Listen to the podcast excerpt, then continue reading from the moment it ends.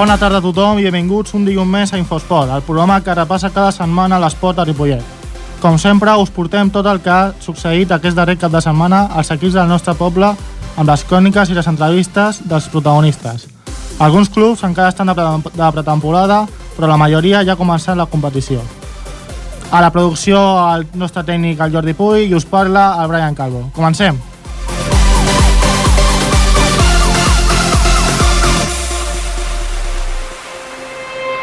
El marcador. I com sempre, comencem els marcadors amb els nostres companys, la Mèria amb Lara i el Ferran Rigat. Hola, bona tarda. Bona tarda. Bona tarda. Comencem. Uh, futbol, segona catalana. Carmelo 1, Club Futbol Ripollet 5. Els ripolletens es van avançar al marcador amb un gol de Gonzalo, però l'empat no va tardar.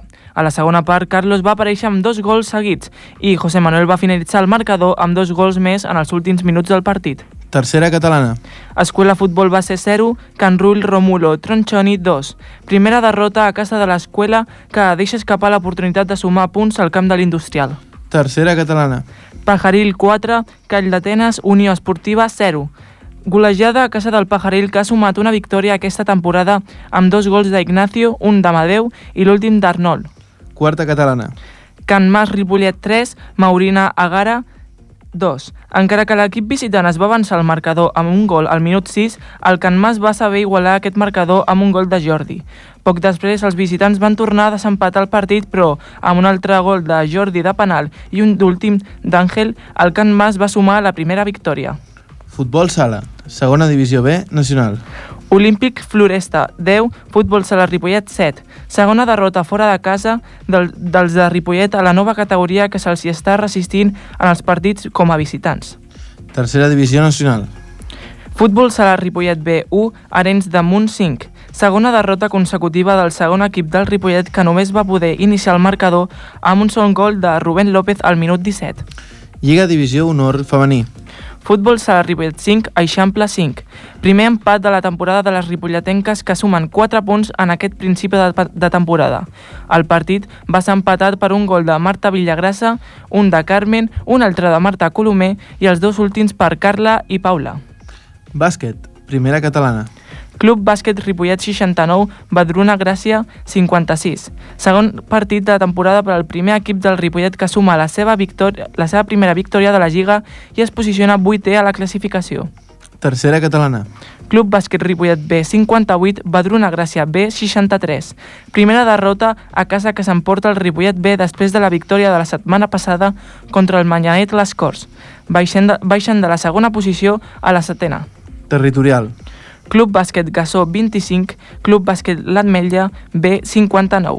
El Gassó cau derrotat en el seu primer partit de temporada per l'equip que es posiciona en primer lloc de la classificació gràcies al poc encert dels ripolletens. Territorial. Club Bàsquet Ripollet C 88, Club Bàsquet Santa Perpètua 69. El primer partit de la temporada del tercer i nou equip sènior del Ripollet que s'emporta la primera victòria i una tercera posició a la classificació. Tercera catalana femenina. Diagonal Malfront Marítim 72, Club Bàsquet Ripollet femení 54. Les del Ripollet perden el seu primer partit fora de casa contra un equip fort en aquesta categoria. Tercera catalana femenina. Club Bàsquet femení Gassó 30, 34, Ramon Llull B 48. El nou equip del Gassó perd el seu primer partit a casa i es posiciona entre, els, entre les últimes posicions, posicions de la classificació.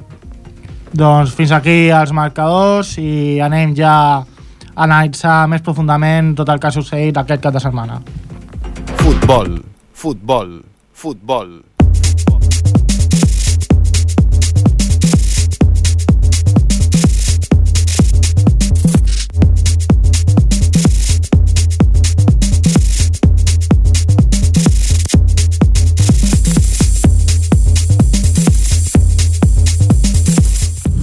Doncs comencem ja amb aquest anàlisi i el primer de tot mm, direm què, què ha fet aquest cap de setmana al Club Pajaril.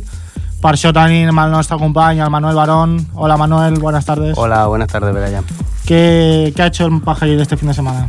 Bueno, este pasado sábado el Deportivo Pajaril consiguió su primera victoria en casa que le hace seguir escalando posiciones en la clasificación después de la cuarta jornada con dos victorias fuera de casa, una victoria en casa y una derrota. El Pajaril se sitúa cuarto en la clasificación con nueve puntos a un punto del líder. El partido del pasado sábado tuvo dos caras. Una primera parte muy eléctrica por parte de los dos equipos, en la que el Deportivo Pajaril se encontró en el primer minuto con el gol por medio de una jugada que culminó Ignacio Minuesa, transformando en gol. Después, entonces, el partido se jugaba con ocasiones para ambos equipos hasta llegar al descanso. El segundo tiempo fue completamente distinto, con un dominio completo por parte del Pajaril. Cuando nada más comenzó el segundo tiempo, parecía llegar el empate, después de que el árbitro pitó un penalti en el minuto 46, al salir el meta Israel con las dos piernas. Esto le costó una tarjeta amarilla, pero Israel, con la sangre fría, fue capaz de detener el penalti y en una jugada muy rápida el Pajaril conseguía el segundo gol, por medio de Ignacio Minuesa nuevamente. El equipo encontró después de poner el balón en juego, el equipo contrario, después de poner el balón en juego, eh, lo perdió en el centro del campo. Y otra jugada rápida, dos minutos más tarde, Amadeo Ramírez ponía el tercero. Corría el minuto 51 y el equipo visitante se le hacía el partido muy largo, pues el pajaril disponía de una y otra ocasión de gol, pudiendo haber sido una goleada más amplia, pero la pelota quiso entrar hasta llegar al minuto 81, donde Arnal Martín transformó una bonita jugada en gol. El partido finalizó con un 4-0 a favor del Pajaril.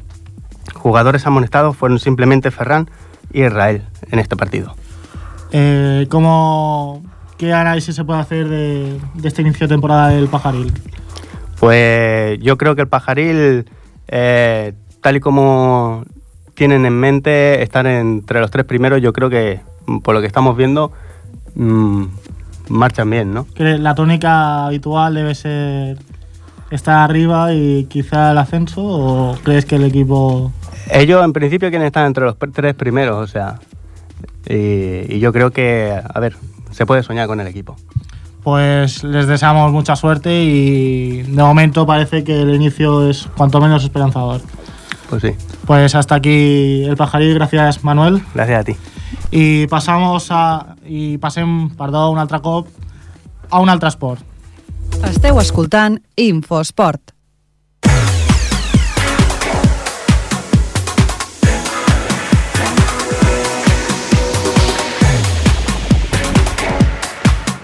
Anem amb un aquí que la, la temporada passada va aconseguir l'ascens i que aquest any potser fins i tot ho, ho torna a aconseguir. És el handball, el Club Handball Ripollet, i per això tenim el nostre company, el Ferran Rigat. Hola, Ferran, bona tarda. Bona tarda un altre cop. Uh, Què ens dius del, de l'handball Ripollet en aquesta pretemporada? uh, tu mateix ho has dit, que l'any- la temporada passada van ascendir a tercera catalana preferent. Uh, no és descabellat comptar amb un altre ascens seguit, ja que eh, hi ha hagut eh, més d'un equip que ho ha aconseguit en dues temporades seguides, però és una mica massa d'hora, perquè encara estan fent la pretemporada. Sí. Per això hem volgut ara parlar amb el Santi per fer una petita prèvia del que pot ser la temporada. Abans de parlar amb el Santi, Ferran, tu què creus que ha de ser l'objectiu aquesta temporada? Mantenir la categoria? Uh, principalment sempre que es parla d'un sempre que es parla d'un ascens es, in, o sigui, el principal és mantenir la, canta, la categoria que es puja ja que és una nova categoria no saps, no saps com què et pots trobar, no saps què pot haver però i és el que de moment s'ha marcat el club. Ara el Santi segur que ens ho pot ratificar millor. I crec que ja el tenim aquí. Hola Santi. Hola, buenas tardes. Buenas tardes, Santi. Eh, pues nada, estábamos comentando eso, que el principal objetivo del club esta temporada al ascender es mantener la categoría. No sé si, si tú piensas lo mismo. Bueno, a ver, en principio esa es la idea, eh, intentar estar ahí, intentar no bajar y bueno, y todo lo que venga después, pues ya se verá. Bueno, eh, hemos comentado antes de, de que ha habido de todas formas preámbulos de equipos que han subido a la tercera a preferente y luego han vuelto a subir. Ah, ¿los, ve- ¿Los ves similitudes de estos equipos al que tienes tú ahora? Hombre, a podría haber similitudes, lo que pasa es que, claro, luego hay un factor que no se ve, que es el tema de entrenamientos, en el cual, pues, bueno, yo por lo que llevamos este mes, veo complicado que de momento podamos aspirar más que a mantener la categoría. Entonces, eso es lo poco que puedo decir. La gente pienso que se ha implicado poco este año, de momento, y a ver si a base de resultados, pues bueno, pues conseguimos que la gente vuelva a la mentalidad del año pasado, el que el objetivo era subir, se consiguió, y este año ha habido como un poco de relax. Por eso tengo, tengo mis dudas. Las similitudes son un poco relativas. ¿Y a qué crees que se debe este relax? Veréis de un ascenso y en teoría el equipo debería estar animado para competir. ¿A Sí, qué crees que se debe? sí.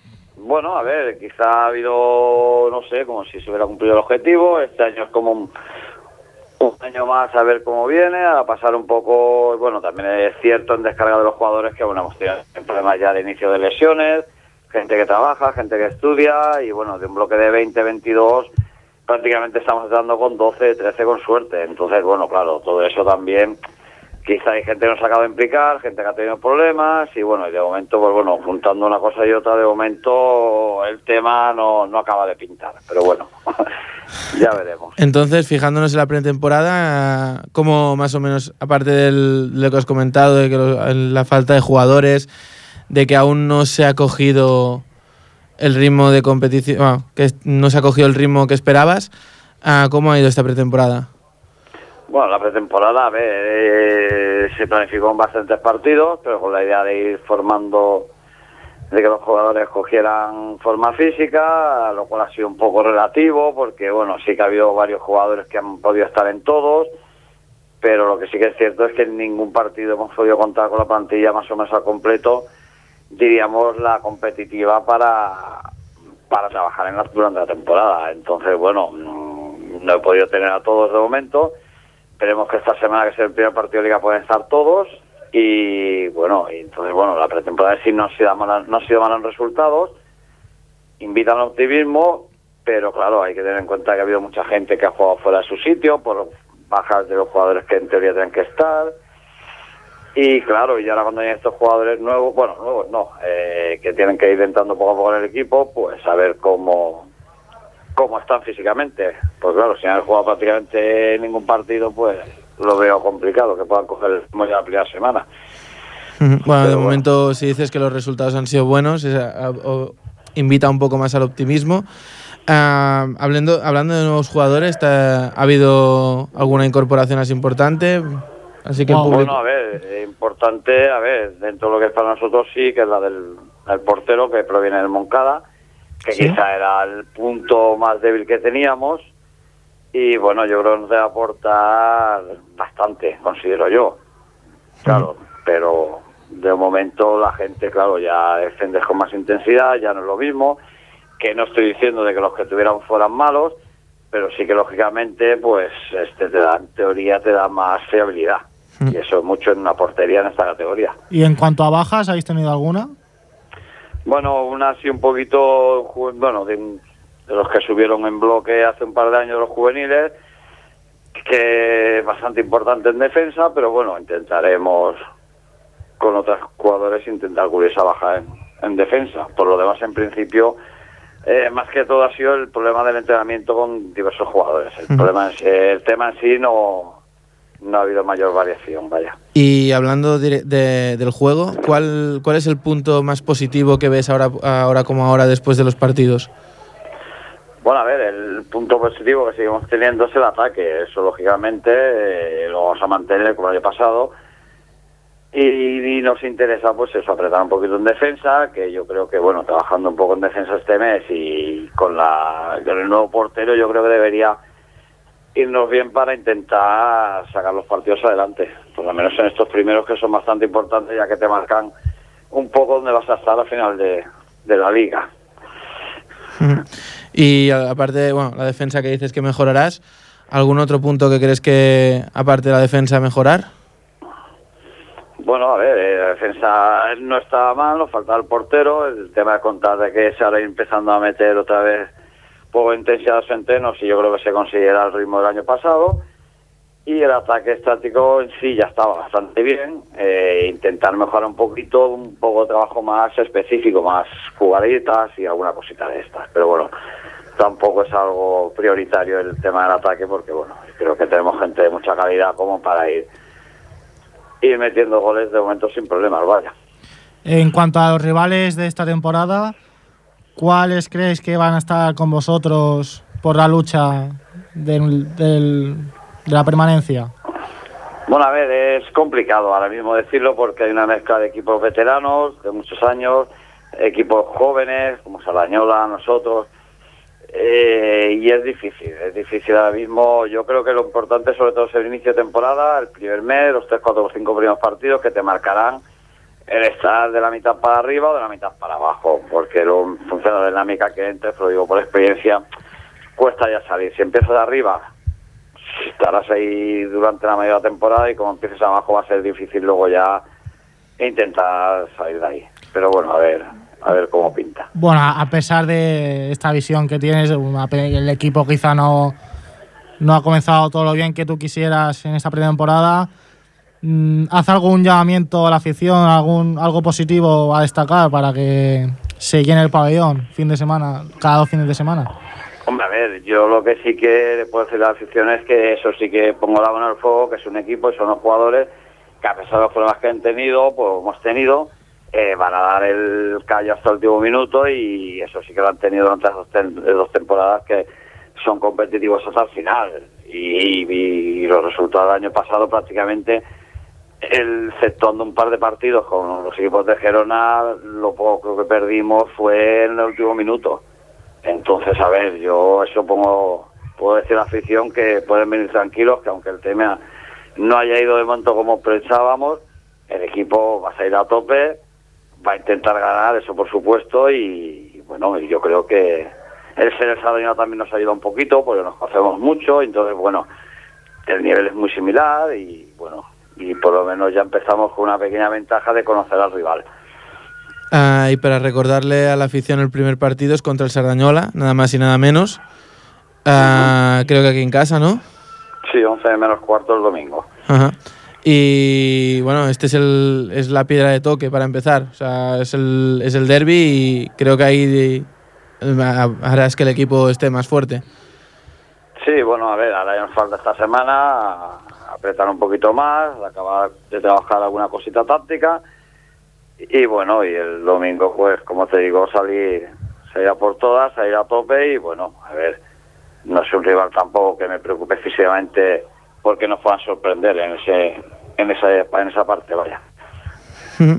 Pues bueno, ah, hasta aquí un poco la previa sobre, sobre tu equipo. Agradecerte que nos hayas ilustrado también. Si, Bueno, lo Re- reflejar podido. el estado del equipo. hay veces que lo- los clubes no, no suelen decirlo tan bien como tú. O sea, muchas gracias, de veras. Y Muy nada, esperar que a daros suerte desde aquí para que todo empiece mejor de lo que, de lo que se, prese- se presume. Eso, eso nos gustaría. Mucha Venga, suerte, Muchas gracias. Santi. Venga, gracias. Doncs fins aquí l'handbol. Bàsquet. Bàsquet.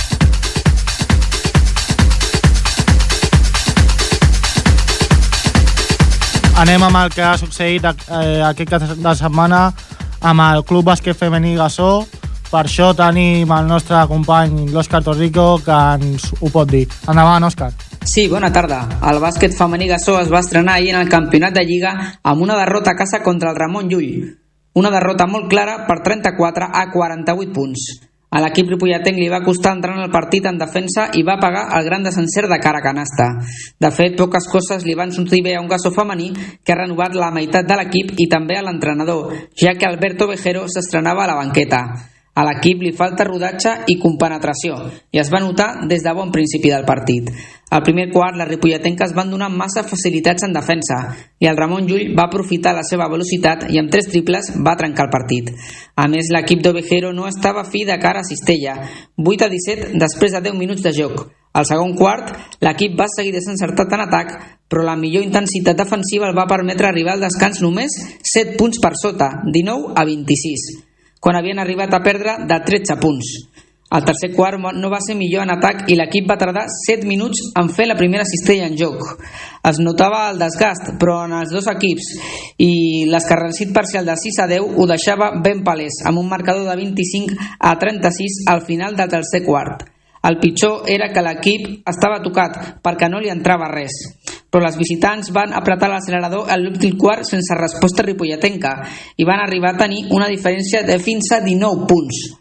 Al final, l'Algassó va perdre per 14 punts. Tot i això, el nou tècnic Alberto Vejero no es mostrava preocupat. L'escoltem. Un dia avui l'equip ha començat a, la temporada amb una, una derrota clara. S'ha notat massa que era l'inici precisament de temporada. Sí, sí, sí. Ja et dic, eh, bueno, eh, un equip nou, entrenador nou, eh, portem com aquí una setmana treballant una miqueta com serà eh, la temporada que de vindrà i bueno, el primer partit pues, no han sortit les coses. Eh, això ens ha fet eh, acumular eh, falta de, de ganes en defensa d'anar en rebot, intensitat i bueno, pues, el que comporta una derrota no? Aquestes derrotes també serveixen per, per veure el, el que s'ha de millorar l'equip, no? Imagino que és, és, bueno, dintre de lo dolent és positiu perquè veus clarament no, quines coses s'han de perfeccionar. Sí, sí, oh, i tant, és, és el, primer que, el primer que els he dit ara a l'acabar el partit és això, que no se'n vagin amb sensacions negatives perquè és normal, és el, és el primer partit eh, totes són noves, no es coneixen i, i, i que no vull dir, al, al revés, al contrari això els ha de servir per, per tirar endavant i per, bueno, eh, ja sabem els errors que, que cometem, sabem els nostres punts febles i a partir d'aquí pues, treballar els, els punts febles i, i tirar endavant. Al, al principi del partit ha costat una mica entrar, sobretot en defensa, no? i després doncs, els nervis potser al veure per darrere l'equip en el marcador hi ha hagut massa nervis en atac, no? Sí, sí, sí, oh, ja et dic que la defensa, com diuen els bons entrenadors, la defensa és un bon atac. Si ja comences eh, despistat en defensa, l'atac mm,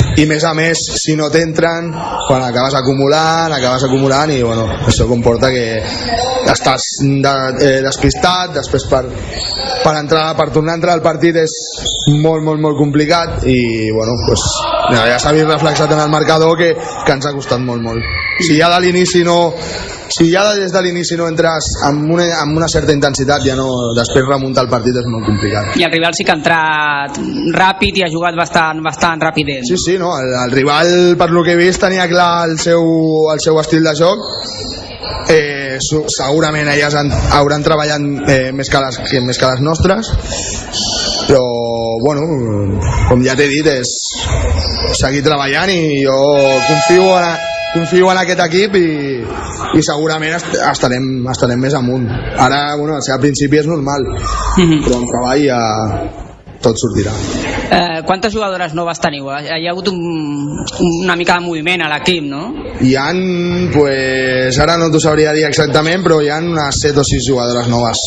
I clar, eh, això per les, per les que ja eren a l'equip de l'any passat i per les noves també, clar, és una miqueta vale, s'han de, de compenetrar han de saber com, com juga cadascuna i clar, fins que no fins que no treballem bueno, no arribi al, al cinquè o sisè partit suposo que ja treballa les coses i amb sopars d'equip i tot això pues ja suposo que mica en mica s'aniran compenetrant mm -hmm. sí, sí. Eh, també era la teva estrena com t'has sentit?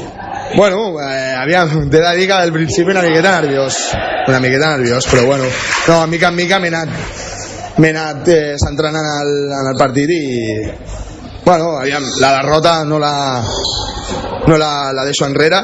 És com si no, com si n'hagués passat. Però bueno, bé, sí, sí, les sensacions són bones ja et dic.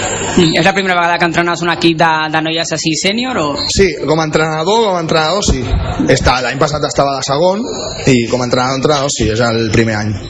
Llavors, heu, heu parlat ja de reptes, perquè la temporada passada l'equip doncs, va estar força bé, només va tenir 7 derrotes en 24 partits, va estar a la part alta i a prop de poder lluitar per l'ascens. Us heu plantejat alguna cosa d'inici o no, o com vingui? Sí, sí, jo des de l'inici ja els he dit que jo confio en aquest equip i, i que tra amb, amb treball i esforç i amb ganes de, de competir eh, jo els he dit que crec que podem, podem estar perfectament entre, entre les tres primeres posicions. Doncs molta sort i que vagi molt bé aquesta feina. Molt bé, moltes gràcies. Aquest dissabte a la tarda el bàsquet gassó femení jugarà a la pista del Sirius i veurem si l'equip doncs, pot començar a millorar i començar a mirar cap amunt a la classificació. Òscar, eh, i tornem a canviar d'esport. Anem cap al futbol.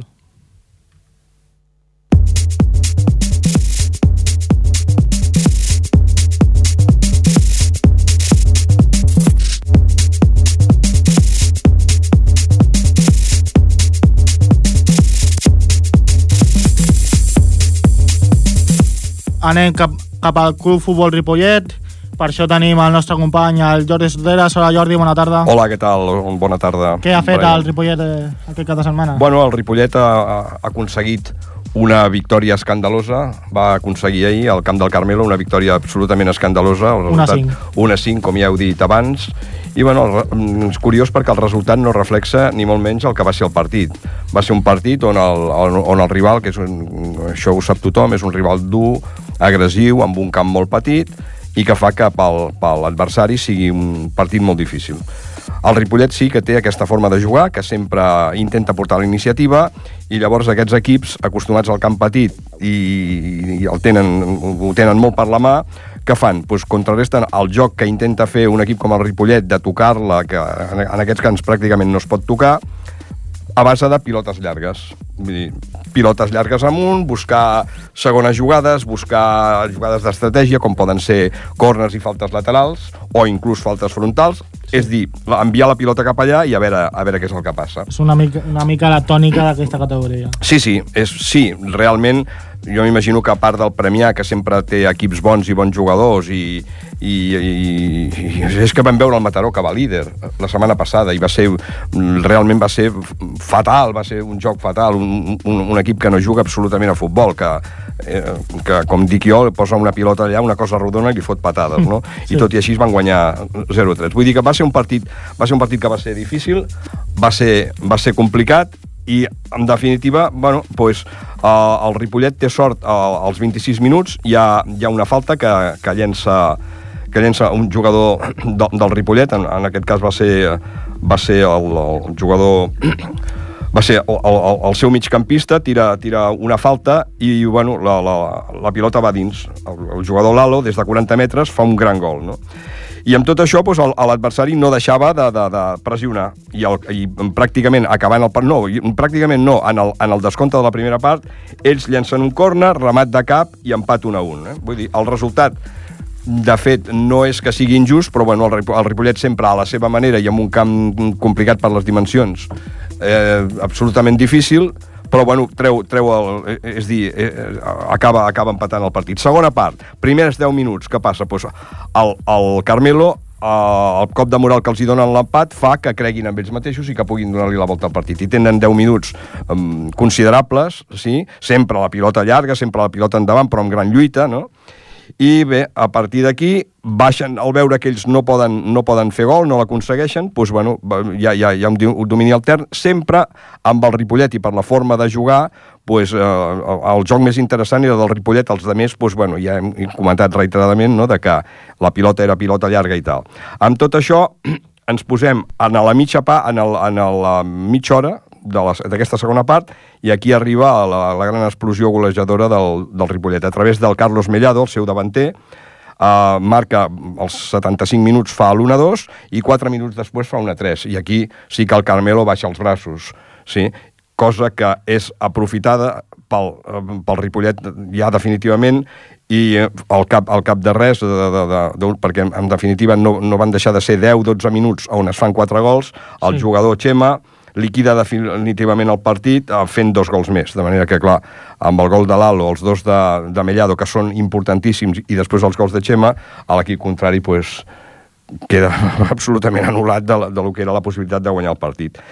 És a dir, mm, bueno, jo crec que mm, el Ripollet, ho sabem, és un equip pues, que té els jugadors i el cos tècnic té la pressió de pujar, encara que la gent digui que no, això és mentida, sí? sí, sí.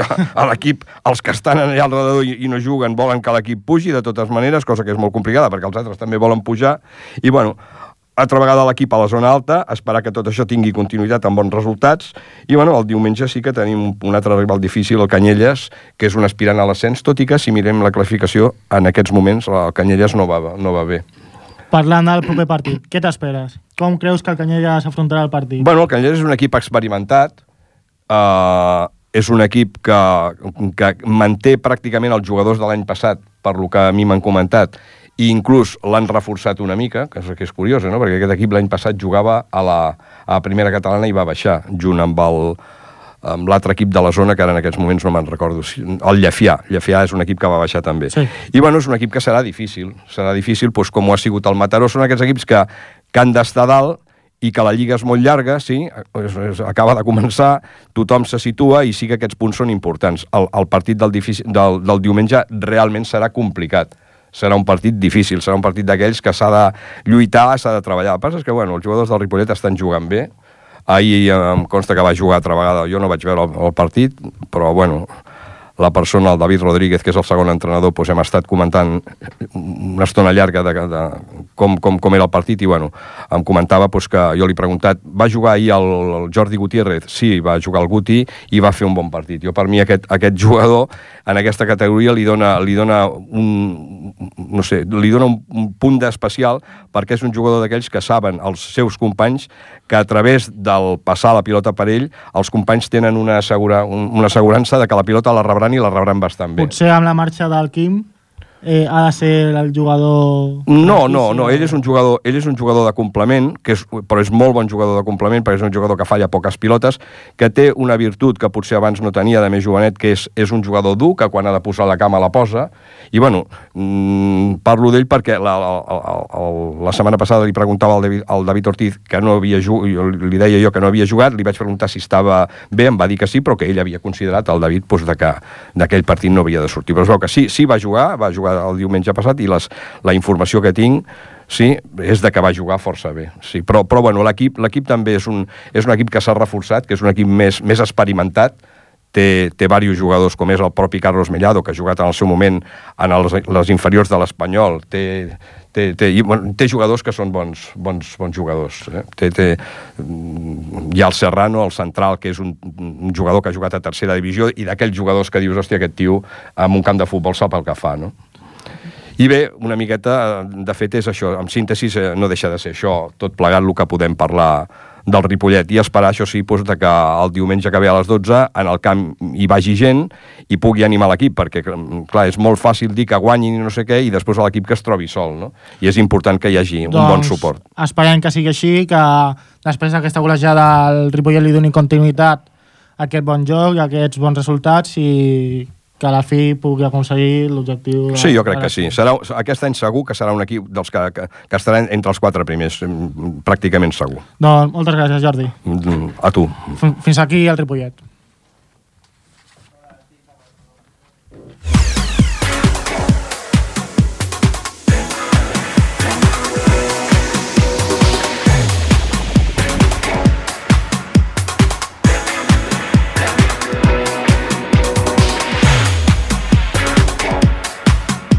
Anem amb, el, amb un altre equip de futbol, en aquest cas l'escola de futbol Barça, per això, per això tenim el nostre company Amal Mata. Hola Marc, bona tarda. Bona tarda, Brian. Què ens pots dir del resultat d'aquest cap de setmana d'aquest club? Doncs sí, ahir diumenge l'escola futbol base va jugar el quart partit de la temporada a casa, al camp de l'Industrial, contra el Can Rui Rómulo Tronchoni per 0, a, per 0 gols a 2.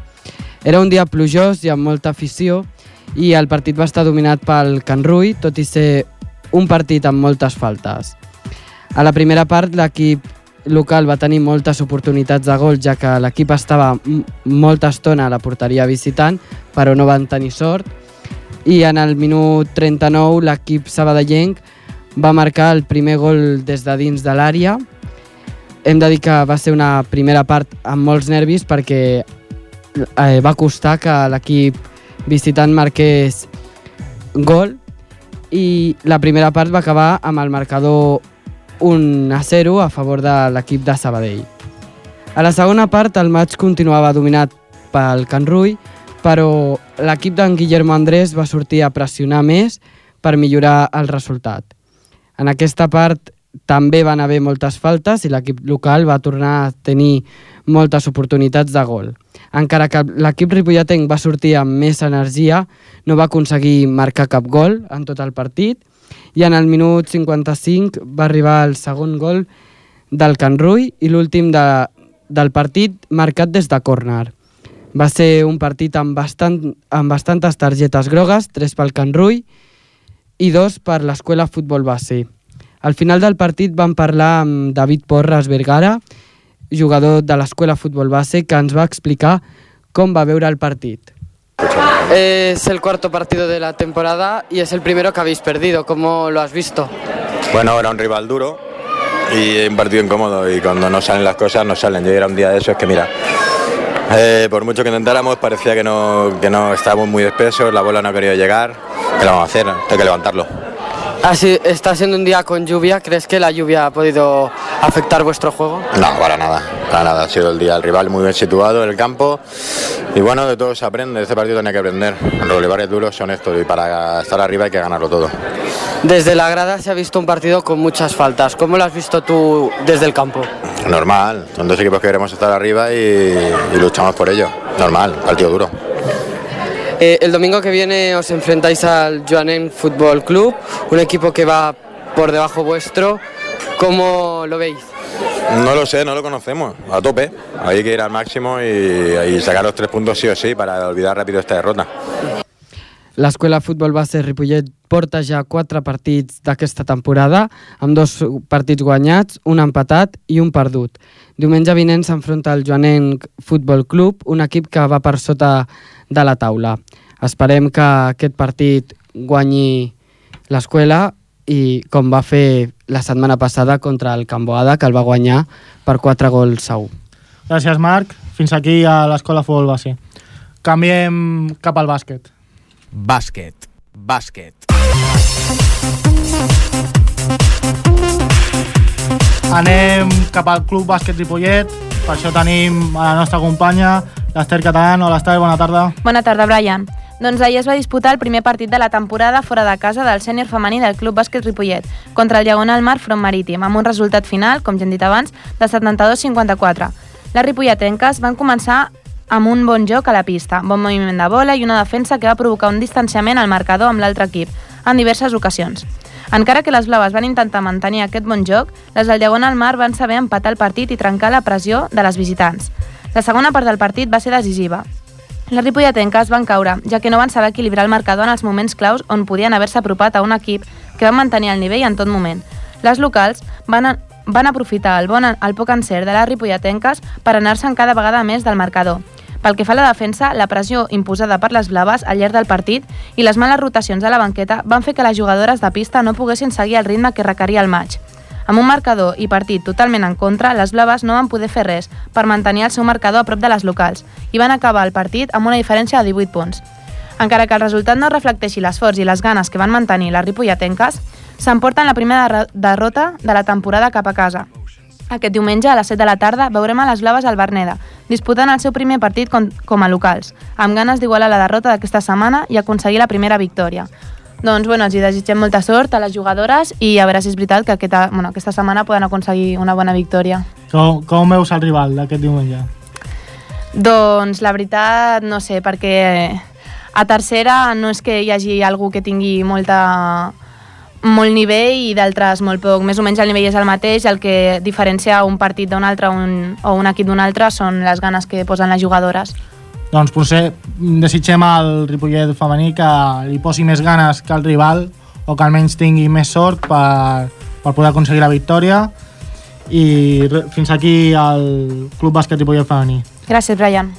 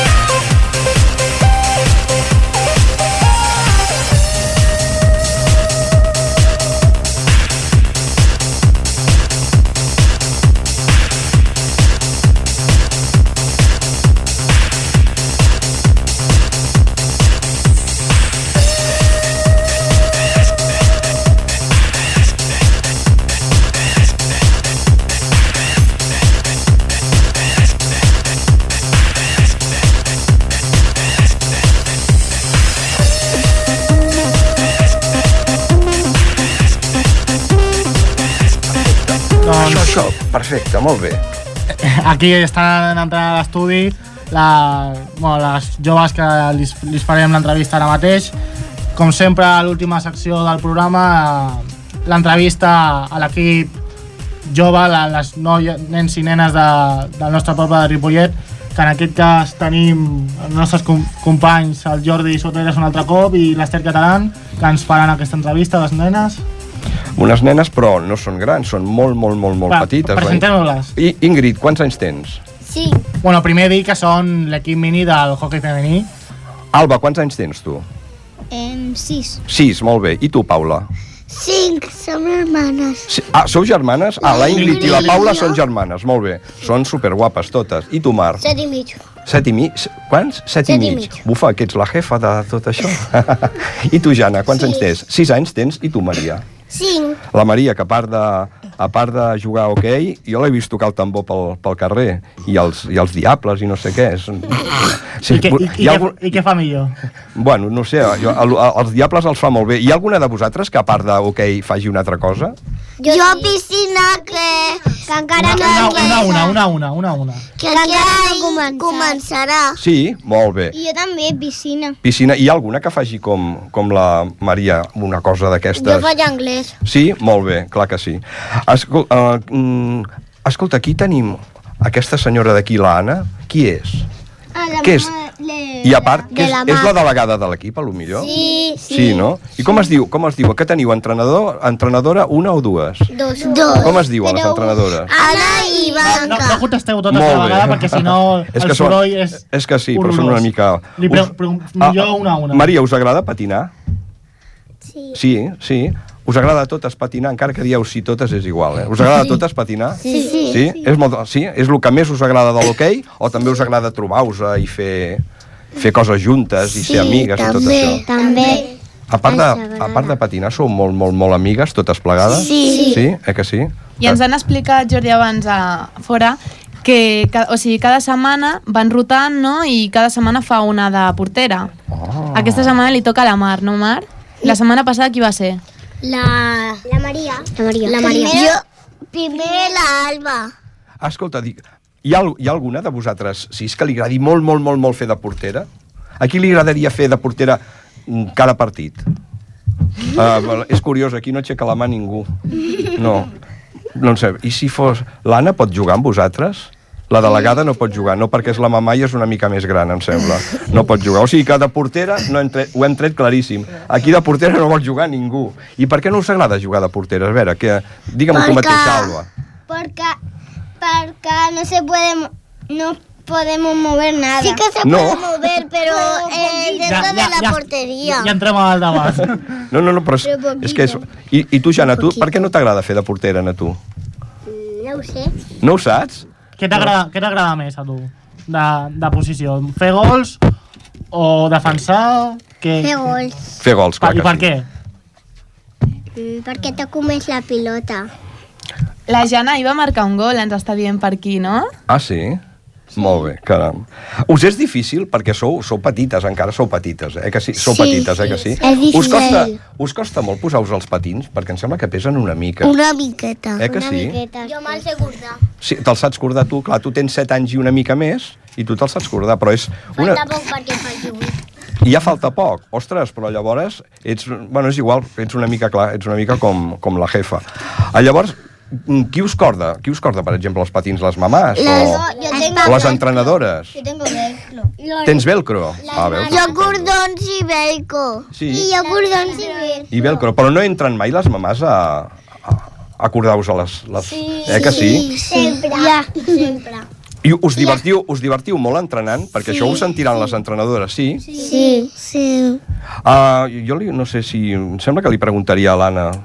Mm, en realitat això, aquest grup de nenes super divertides, el que és la relació pares i tot plegat, això que a vegades és tan complicat, com funciona?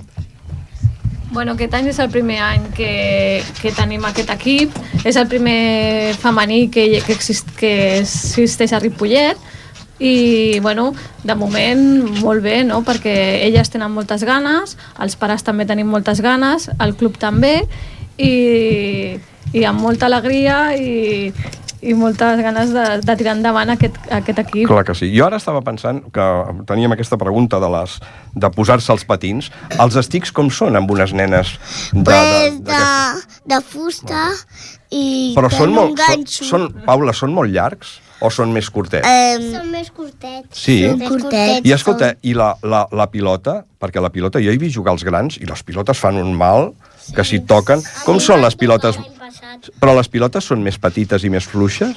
Són, són de pastit dur i, i, no, i fan mal, però són una mica petites i grans. Però Sí. porteu protecció, no? Sí. Sí, escolta, Anna, dic, això que dèiem dels, dels estics, com són els estics per aquestes nenes? Ah, els estics són, són iguals, vull dir, no, alguna nena alguna vegada es retallen, però que... La... Però no hi ha estics perquè, perquè Sí. elles són petitones, Els- són més petites. Són... Però els de principiant. Ja, Però ja, no, ja. No es pensi que és més, més llarg que...